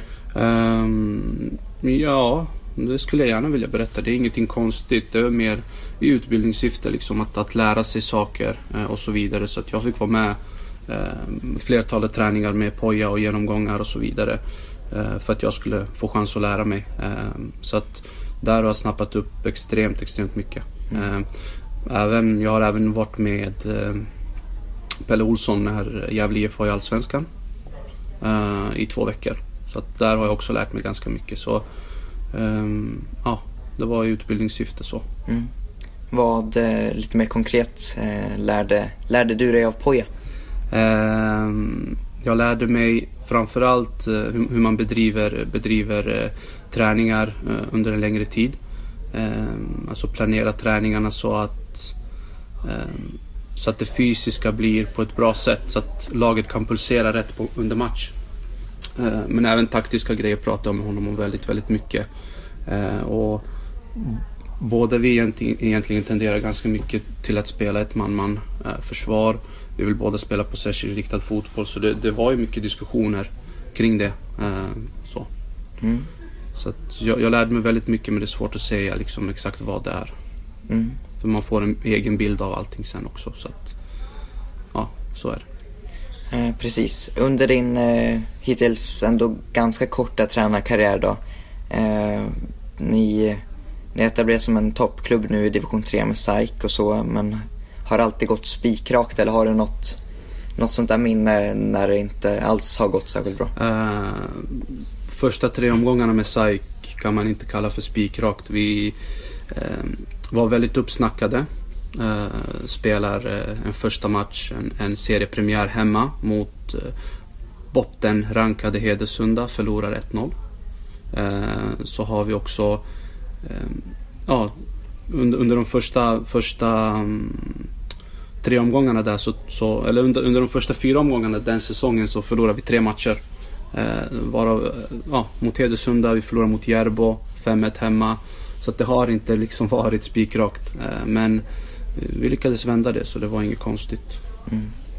Precis, jag tänkte att vi skulle komma in lite nu på, på din start i, i Sandvikens AIK då, som mm. tränare. Mm. Eh, vilket år var det som du kom till SAIK? 2017. Mm. Eh, och eh, ja, om du ska ta oss igenom den säsongen då lite snabbt. Då, hur, hur såg det ut då? som sagt, vi startade extremt dåligt. Eh, torskade i början. Eh, men vi lyckades vända det och kommer på en, på en andra plats som tar oss uppåt. Eh, vi får kvala och mer eller mindre så eh, vi kör över kvalet där. Eh, och tar oss upp till division 3. Eh, efter det sen så spelade division 3 som nykomling. Eh, Också lite uppsnackat som, som om vi skulle vara no, någon, någon favorit. Men det var vissa lag som var väldigt bra. Vi lyckades inte hålla, hålla det hela vägen. Men vi var ett topplag ganska länge. Eh, men tappade på slutet där och slutade femma. Och nu den här säsongen så kommer vi på en tredje plats. Så successivt så blir vi bättre och bättre. Mm. Så det är inget snack om saken. Precis. Vi ska också mm, om en stund komma in på årets säsong men ja. eh, du kom till klubben 2017 mm. och tränade även under fjolåret då, ja. 2018. Eh, vad lärde du dig under de två säsongerna? Uh, alltså man lär sig hela tiden uh, saker. Att, att vara tränare på, på division 3 nivå och, och lägre divisioner än det ni Gävle IF-supportrar är vana med. Eh, det är något helt annat, det är en annan utmaning. Eh, alltså att träna på, på olika nivåer har ju sina typer av utmaningar men här liksom att det är amatörer allihopa och att få spelare att längta till nästa träning, bara en sån utmaning liksom. Eh, och att på det kunna bygga ett spel. Få spelare att kanske ta ledigt från jobb för att komma och träna. Och, och alla sådana saker. Så att man lärde sig väldigt mycket om, om vad ledarskap egentligen handlar om. Eh, och där tror jag att jag har vuxit otroligt mycket. Mm. Eh, ja, årets säsong då. Eh, ni, ni slutar... Ja, ni faller på målsnöret i division 3. Mm. Ni fanns länge med i den absoluta toppstriden om en uppflyttning till division 2. Eh, mm. Men ja, föll som sagt då i, i slutet där. Ja, hur beskriver du säsongen 2019 för er del? Um, jag personligen är ganska nöjd med den säsongen. Uh, kollar man utifrån vad folk hade förväntningar på oss så, så kan man kanske tro att vi är missnöjda. Men uh, sanningen är att vi, uh, vi, vi, är ganska nöjda.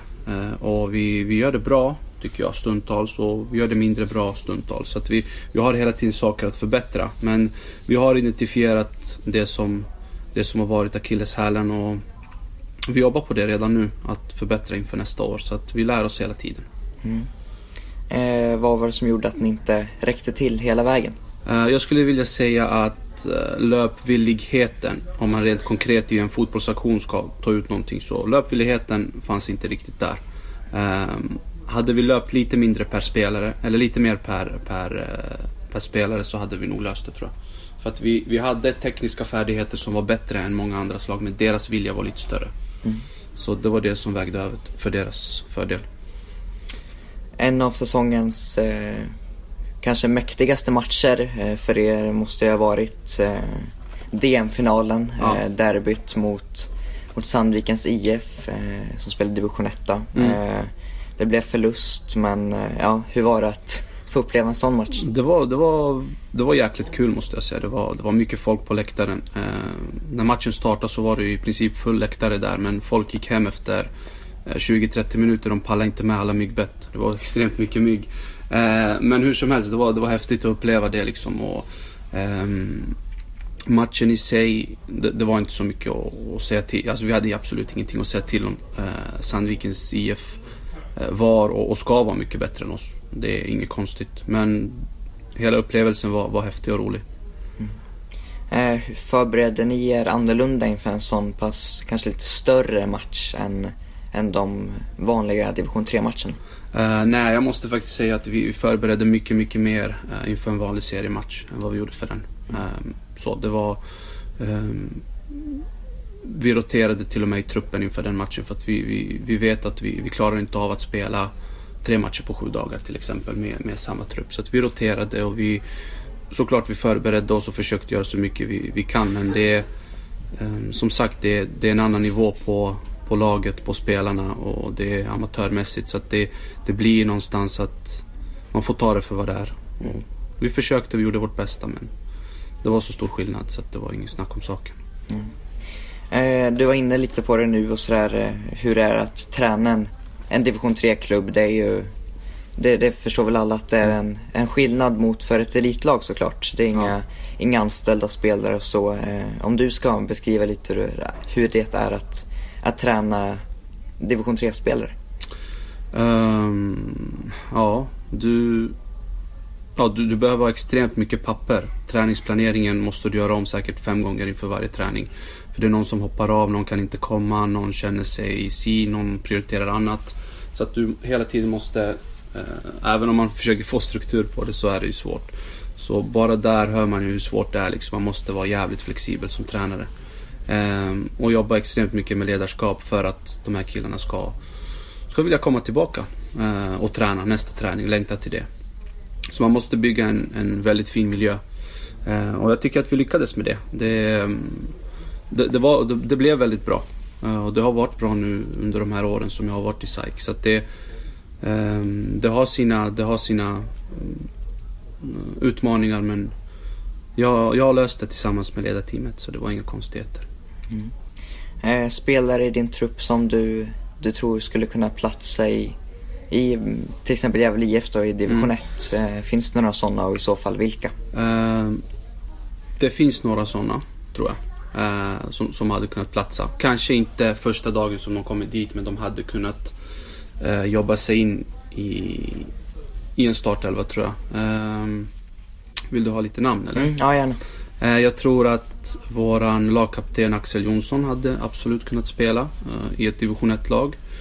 Eh, jag tror att Amin Hafati med sina spetsegenskaper Eh, utmana en mot den och ta sig runt och ta sig förbi. Det gör han nio gånger av tio och jag tror att han kan göra det på högre nivåer också. Ehm, Anthony Osorio. Eh, 28 matcher, 24 mål. Uh, ganska bra facit oavsett nivå. Uh, tror jag absolut skulle kunna spela på, på högre nivåer. Uh, och han är ju, han är ju GIF-produkt också. Han har varit med i ungdomsleden jag kommer säkert glömma någon. vi har ju några spelare som har spelat på högre nivåer. Division 1 och sådär. Så att de hade klarat av det. Jens Åberg, Andreas Gillström. Om de vill och verkligen satsar. Så att det finns, det finns eh, absolut spelare som hade klarat av att spela på högre nivåer. Mm. Med, med, risk för att jag kommer glömma någon garanterat. Sen kan jag inte heller avslöja de spelarna som, som redan har valt att komma till SAIK. Eh, några av dem hade också kunnat spela på den nivån. Mm. Ja, det är intressant. Eh, Ni ska säga sig också att ni släppte en spelare nu i somras, eh, Emil Mm. Molin, till, till Sandvikens IF då, Ja. mittback. Han kom från Sandvikens IF till oss och fick vara med i våran miljö i några månader och så gick han tillbaka och var startspelare i Sandvikens IF. Det är ganska häftigt. Det, det, det är viktigt att en sån klubb finns. Eh, som kan ta emot spelarna, ge dem bra miljöer, eh, lyfta dem lite grann, ge dem självförtroende så kan de gå tillbaka och spela division 1 fotboll igen. Så det, det är häftigt. Ja, det är spännande. Jag är en av dem som, som tror att man skulle kunna göra ett större arbete nere i de lägre serierna och hitta guldklimpar där. Men, Mm. ja, men det är upp till GIF som sagt. Eh, nästa fråga. Eh, min känsla är att ni, ni är en ganska stor klubb på division 3 eh, nivå och då kanske inte jag egentligen menar det sportsliga så utan egentligen det mesta runt omkring. Att det är eh, en ganska stark organisation och så. Eh, delar du den meningen? Um, om, man kollar, om man jämför med andra division 3-klubbar eh, så rent ekonomiskt så är vi inte där.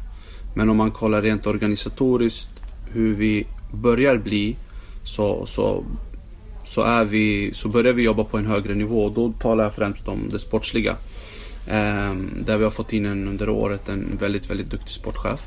Eh, otroligt duktig, kompetent på alla fronter, både eh, business och ehm, fotboll, eh, ledarskap. eh, På alla fronter i princip. Så att där har vi fått en, en skjuts eh, och där har jag fått en avlastning så att jag bara kan fokusera på fotbollen.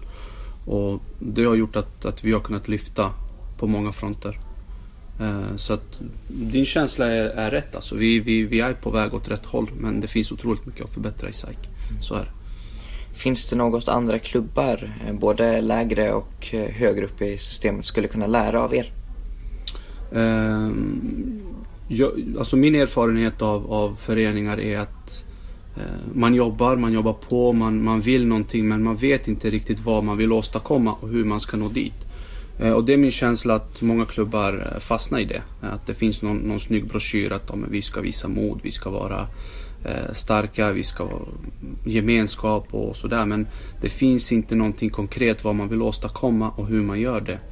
Eh, där tror jag vi är, i alla fall på den nivå som vi spelar, är ganska, vi, vi är ganska unika med det. Med att vi, vi vet exakt hur vi vill spela vår fotboll. Vi vet exakt hur vi vill, eh, alltså vad det är för spelartyper vi söker. Eh, vi vet exakt eh, eh, vilken tränare som, som, som vi söker för att vi ska kunna spela den fotbollen. Och vi vet exakt vad det är för typ av sportchefer vi söker. Och alla som är inblandade runt det sportsliga. För att det är den fotbollen vi ska spela och då kan man inte bryta det. Så att det är sådana personer som krävs. Så att där är vi ganska unika. Jag tror att många kan absolut lära sig av det. Många svenska klubbar lider av just det här att man har en identitetskris och tar det liksom beror på vilken tränare det är och så ändrar man riktning hela tiden. Mm. Eh, och arbetet just nu då och framåt eh, hos er i SAIK. Eh, vad, vad är, vilket arbete är det som görs nu inför 2020? Eh, Vi jobbar med spelartruppen just nu. Det är det absolut viktigaste arbetet. Eh, Och eh, vi, vi försöker sätta, sätta en, en, en bra trupp. Eh, Det som kommer ske till, till 2020 är att vi kommer förändra truppstrukturen där vi kommer ta in yngre spelare. Eh, mer löpvillighet, som jag var inne på. För det har vi analyserat och det är en grej som vi måste, måste bli bättre på. Eh, vi måste spela en snabbare fotboll. Eh, och vi, vi, vi söker sådana spelare och vi, framförallt så vill vi ha hungriga spelare som kanske inte har platsat i Gävle IF eller i Sandvikens IF men som kan tänka sig att komma ner och göra samma resa som Molin gjorde, Emil Molin. Och det är sådana hungriga spelare vi vill, vi vill ha. Och det är för oss jättegärna om spelaren bara kör ett, ett halvår men att efter det halvåret att han går uppåt i seriesystemet. Det tycker vi är skitkul. Ja, eh, intressant. Eh, jag tänkte att vi ska gå över till, till nästa punkt Mm. och det är såklart då Gävle IF Mm. och årets eh, säsong. Eh, ja, första ganska stora frågan då. Eh, din syn på, på årets säsong för GIF? Ehm, och då är det rent sportsligt då. Ja, precis. som frågan gäller. Ehm, jag tycker att ehm, ut, utifrån ehm, den trupp som man har så, så tycker jag att man borde fått fler, alltså mer poäng. Det, det tycker jag absolut. Och Jag tycker att man förtjänade vissa matcher att få, få mer poäng. Ehm, så ehm, det var lite onödigt att hamna i den sitsen som man hamnade i kan jag tycka. Ehm, men jag tycker att det var otroligt häftigt. Jag var på plats och kollade på matchen mot Sollentuna. Jag tyckte det var häftigt att man liksom körde då ordentligt. Att man visade den mentala styrkan och bara kunna växla upp. För där tycker jag man gör en bra match både defensivt och offensivt. Och det, var, det var häftigt att se. Jag tycker inte Sollentuna var eh, ja, egentligen inte nära. Mm. Så det kändes jättetryggt. Ja, intressant att föra, föra det från en person som kanske kollar med lite andra ögon. Ja. Eh, det satt ju långt inne och som supporter var man ju väldigt nervös där på plats. Ja, jag men, såg det. Ja, men eh, jag tänkte på det, vad, vad var det du tyckte såg bättre ut där mot Sollentuna än i tidigare matcher? Nej men det var bestämdheten tror jag. Jag tror att många spelare var mycket mer bestämda i sina aktioner. Alltså det var, det var ingen tvekan vad, vad man skulle göra. Man gick dit för att vinna matchen och det syntes. Även om det ibland inte var klockrent så så det syntes. Så I försvarsspelet, de fick spela runt, inläggen kom, men Calabane eller mittbackarna stod där och plockade bort bollarna. Det var, det, det var väldigt tryggt. Väldigt mm. tryggt tyckte jag. Eh, och i anfallsspelet så eh, direkt där i andra halvlek så såg man hur jävligt tryckte på. Ända fram till målet. Eh, så man kände att det var någonting på gång liksom. Och jag tror att hade man behövt göra ett mål till så hade man kunnat göra det också. Mm. Det fanns ju någon chans där, Fernandes hade ju någon chans. Eh, så det, det, det var ganska lugnt ja. och bra. Eh, annars då under säsongen? Det blev ju... Det satt ju långt inne eh, och det såg ju riktigt risigt ut ett tag eh, om man ska vara ärlig. Eh, vad, var, vad tror du att felet har varit under den här säsongen? Så det blir... Eh, jag har inte Alltså jag har inte tillräckligt mycket underlag eh, för att kunna bedöma vad felet är. Eh, för att jag vet att som, som, tränare så vet jag hur många olika parametrar det finns som kan påverka en prestation. Det är inte bara en träning före en match eller en veckas träning utan det är så, så otroligt mycket saker. Så att det, det blir, alltså jag, jag, kan inte sitta här och bedöma eh, på det sättet. Eh, men som sagt, jag tycker att, jag tycker att, eller tror att mm, man, man borde kunnat få, få fram ännu mer poäng mm. under säsongen. För att jag tycker den kvaliteten finns i truppen. Mm. Eh, en tydlig och stor bov i det hela var ju offensiven eh, och målskyttet. Man, man blir till slut efter 30 omgångar det lag som, som gör minst mål i hela serien. Totalt i båda division 1-serierna så var det bara två lag tror jag som, eh, som var sämre i, i den statistiken. Eh, vad skulle du gjort annorlunda eh, som tränare eh, om du fick om du fick styra eh, för att få igång offensiven och målskyttet? ja, eh, det är... Eh, så alla tränare har ju sitt sätt att se på saker och ting. Så det jag säger nu, det handlar inte om någon kritik mot, eh, mot eh, Gävles tränare och sådär. Det, det, är absolut inte det. Men jag tror att utifrån de egenskaperna som jag har sett funkar bra i division 1 så tror jag att um, en kille som Al-Hassan hade kunnat spela lite mer. Uh, tycker också Fernandes hade kunnat spela lite mer. Då får du helt plötsligt mer fart och mer hot. Uh, så ja, jag tror att, jag tror att det fanns Ja, jag tror att hade man använt lite mer fart så hade man kunnat skapa mycket mer bakom motståndarnas backlinje. Sen ska man inte heller glömma att man skapade otroligt mycket målchanser men man missade en hel del också, öppna lägen. Och, eh, liksom, det, det, är svårt, svårt för någon som sitter på bänken och rattar laget att peta in bollarna också. Så de skapade ganska mycket lägen som, som borde blivit mål också. Mm. Så att det ska de ha eloge för att de tar sig dit. Mm. Eh, men precis, du är inne lite på att man kanske skulle använt eh, spelare som satt på bänken något mer. Eh, eh precis, nästa fråga. Hur skulle du maxat truppen mer än, mer än vad man gjorde i år? Um, det är också en fråga som är väldigt svår att svara på. Uh, jag tror att eh, man måste ha helhetsbilden. Liksom. Jag vet inte hur man har tränat i Gävle och så vidare. Uh, men för att, för att maxa det liksom hela vägen och få, få fräschhet och tryck i, grejerna så, så måste man, man måste pulsera träningarna på ett visst sätt. Och jag tror att Mackan har koll på de grejerna. Så jag tror inte det handlar om det. Jag tror att det handlar om Eh, Ja, jag, jag, vet inte riktigt. Jag, jag, känner inte de spelarna. Det är, svår, det är svårt att det är svårt att sitta och, och, spekulera. Men jag tror att man, hade man kunnat rotera in de här lite speedigare spelarna så hade man kunnat vara ett större hot. Och det, det såg vi också när Al-Hassan kom in och spelade. Gjorde, gjorde väl mål i princip varje inhopp som han gjorde. Uh, så att han var ett hot hela tiden. Så kollar man rent objektivt sådär så tycker jag att han var han var jobbig att möta. Han såg jobbig ut att möta i alla fall för motståndarnas backlinje. Um, så. Så det är väl det. Mm.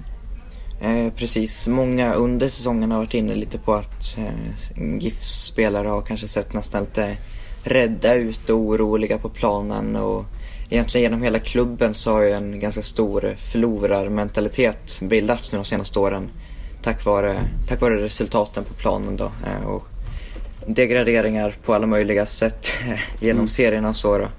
Eh, efter år av bottenstrider, hur skulle du säga att man, man får en vinnarmentalitet eh, igen? Ja, man har säkert hört det här många gånger att om en, en, en vinnarkultur finns i väggarna. Liksom. Det, det, har man hört. Men jag tror inte att det är så. Jag tror att en vinnarkultur eh, beror väldigt mycket på människorna som finns där liksom, och vilken attityd man har och approach till, till allt man gör. Så jag tror människorna är viktigast, de som finns i, i och runt klubben och som får verka och ha saker att säga till om. Sen tror jag också att eh, ett visst spelsätt ger större möjligheter att vinna matcher. Eh, det tror jag. Jag tror att eh, är man mer framåtlutad och tar mer initiativ med boll, försöker kontrollera matcherna genom bollinnehav, så tror jag man har större chans att vinna det. Men för det krävs också en, en viss kvalitet i truppen. Så att, um, jag tror att det är de två grejerna. Men framförallt är det människorna som finns i klubben. Att man, man accepterar inte något annat än att gå för det. Mm. Eh, och förlorarmentaliteten har ju spridits eh, genom hela klubben som jag var inne på. Även eh, fans och supportrar har ju blivit påverkade såklart när, när det har gått tungt för laget. Trots det så vinner Gävle IF publikligan den här mm, säsongen mm. I, i sin serie då. Och, har ju haft bra med publik då ju. Vad skulle du säga om, om Gävle IF supportrar? Jag tycker att de är överlägsna i division 1. Inget snack om saken och de skulle vara topp i superettan också. Så det är inga konstigheter. vad jag har förstått så, så finns det en, en del personer där som, som jobbar jäkligt hårt med, med det. och Karikläktaren va? Mm. Ja, det finns, eh, det finns personer som jobbar hårt där och det, jag tror att det, det funkar bra. Och att jag tror, jag tror också att ni helt klart vinner publikligan utan, utan någon diskussion eh, i division 1. Och fortsätt med det. Stödet är extremt viktigt. Jag tror att eller det, mot Sollentuna var det jätte, jättehäftigt att vara som, som objektiv supporter där och, se lite grann vad, vad ni gör. Det var jäkligt häftigt. Mm. Jäkligt häftigt.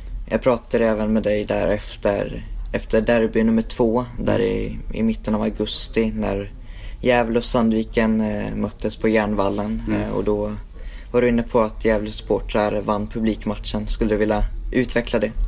Ehm, jag kan, alltså kollar man på Gävle IF supportrar eh, under hela året så, så är ni ju en, en klunga liksom som håller ihop eh, alla matcher. Eh, kollar man på Sandvikens IF så samlar de kraft i båda derbyna liksom. Och man måste se supportermatchen över tid liksom. Man kan inte ta det över, över två matcher. Så att över tid så, så vinner Gävle IF mm. den kampen. Mm. Precis, och när vi ändå är inne på lite SIF-gift och tänkte att vi skulle ta tillbaks frågan mm. där eh, och du ska få utveckla ditt svar där som vi hade på faktarutan med, med Gävle kontra Sandviken då. Ja. Eh, ja. Um, alltså det, det, är ingen större utveckling jag behöver göra förutom att um, alltså det lag som först uh, spelar en fotboll där de driver fotbollsmatcher med bollinnehav. Uh, de kommer få mitt hjärta så, så är det. det. det är bara det. Jag mm. upplever inte att någon av dem gör det i, i dagsläget. Så de som gör det först, de kommer få mitt hjärta. Um, så. Om du jämför klubbarna då, eh, alltså allt möjligt eh, runt och omkring klubbarna, vilken, vilken klubb attraherar dig mest? Uh, om man kollar till, uh, jag, jag, vet inte exakt hur, hur Gävle IF styrs och sådär, vad det är för typ av styrelse och vad man vill göra och så, men jag tycker att båda klubbarna har bra och dåliga saker. Uh, såklart, alltså, mm, man kan alltid utvecklas men det finns många, många bra saker de här klubbarna gör. Um, kollar man på ungdoms-DM-finalerna så är det ju väldigt mycket Sandvikens IF mot Gävle IF. Där på äldre så vann ju Gävle IF och på lite yngre så vann SIF. Och det, det händer saker där. Det finns många duktiga fotbollsspelare att ta hand om. Eh, jag tycker att eh, klubbarna gör många, många bra saker. Eh, de drivs av personer som, som är kompetenta på sina områden. Så det, det, det är inga konstigheter där. Ehm, jag, jag önskar att klubbarna både SIF och GIF förstår vikten av att det här distriktet behöver ett elitlag igen. Och att någon verkligen tar tag i det och kör. Eh, för att vi, vi behöver det för ungdomarnas skull. Vi behöver det för fotbollens skull i distriktet. Eh, jag kommer ihåg när jag var lite yngre och det var, man kunde gå och kolla på, på allsvensk fotboll. Bara 20 kilometer från Sandviken liksom. Det, det, var, det var häftigt. Det var jävligt häftigt. Så att, eh, man måste tillbaka dit. någon, av, någon av klubbarna måste tillbaka dit. Mm. Jo, det tror jag alla fotbollsintresserade i Gästrikland är, är överens om.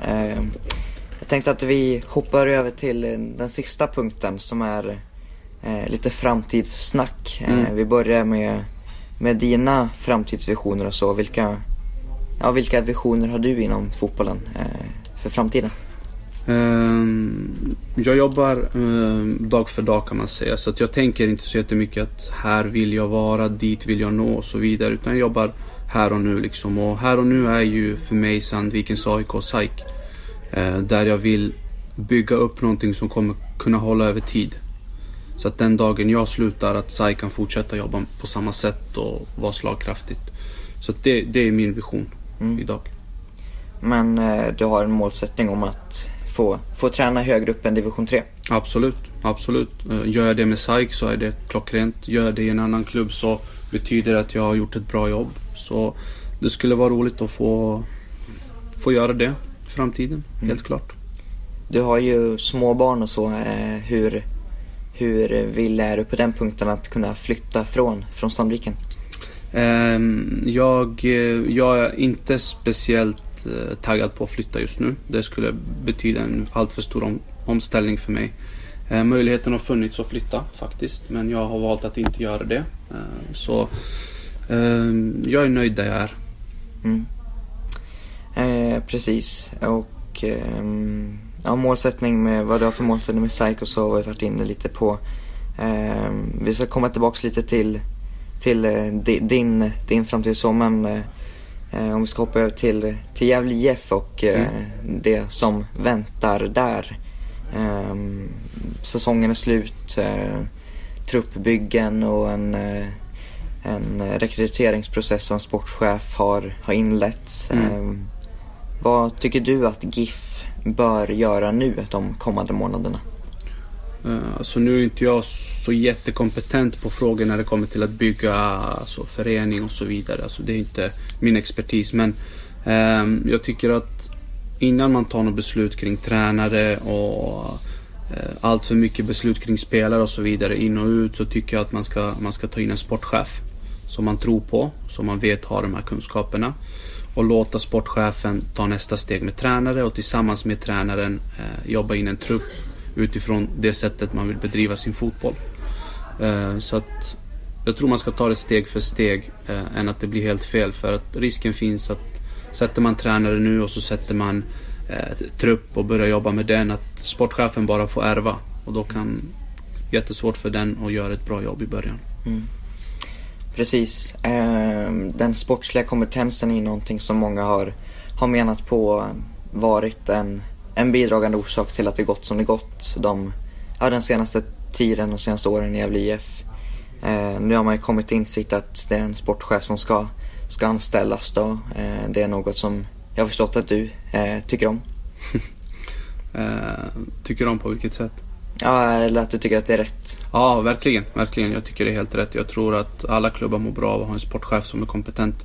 Eh, jag har jag har jobbat utan sportchef och nu jobbar jag med en sportchef så det, jag vet exakt vad skillnaden är. Mm. Jag vet att eh, det är en enorm skillnad. Mm. Skulle du vilja utveckla det? Vad är det, för, vad är det för skillnad att jobba med och utan en sportchef? Um, utan en sportchef så, så, kan man, så får man som tränare många fler uppgifter som kan sno fokus från det man verkligen är anställd för. Uh, med en sportchef så kan man uh, jobba ihop liksom. Uh, så. Och, och, slippa alla de här sakerna runt omkring. Eh, jag har, jag har jobbat tillsammans med en sportchef nu som heter Mike Markarian. Eh, han är jag, kan säga att han är extremt kompetent. Extremt kompetent. Både när det kommer till business och fotboll och, och alla de här sakerna. Så jag, eh, jag är extremt tacksam till att han har kommit in. Och det har gjort att vi har kunnat växla upp ordentligt som, som förening. Mm, ja, precis. Mike är ju en, en person som, som nämnts i Gävle kretsar nu när, när en sportchef ska anställas. Då. Eh, finns ett antal personer som, som vill ha in honom. Eh, vad, vad skulle du... Är det ett namn du skulle rekommendera åt Gävle IF? Uh, ah, ja, helt klart. Helt klart. Uh, först och främst så är det en, en person som, som är har en lokal förankring. Uh, han, han är härifrån. Han kan affärer och framförallt så kan han fotboll.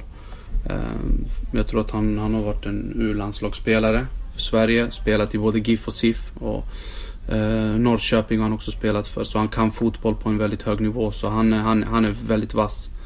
Eh, så ja, jag skulle unna honom att, att gå vidare men jag skulle sakna honom oerhört mycket i SAIK.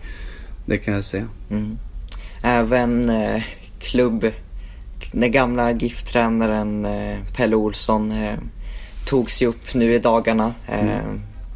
vad, vad som än händer i Gävle IF så känns det som att det inte går att komma ifrån Pelle Olsson riktigt. Eh, han, han dyker alltid upp där på något sätt och så även nu. Eh, eh, vad har du för kommentar till de ryktena? Alltså Pelle, det, det Pelle har gjort i Gävle IF det kan ingen alltså, bortse ifrån. Alltså, han, han har byggt upp ett, ett starkt varumärke med Gävle IF och eh, Eh, det är ganska naturligt att ryktena kommer och går hela tiden.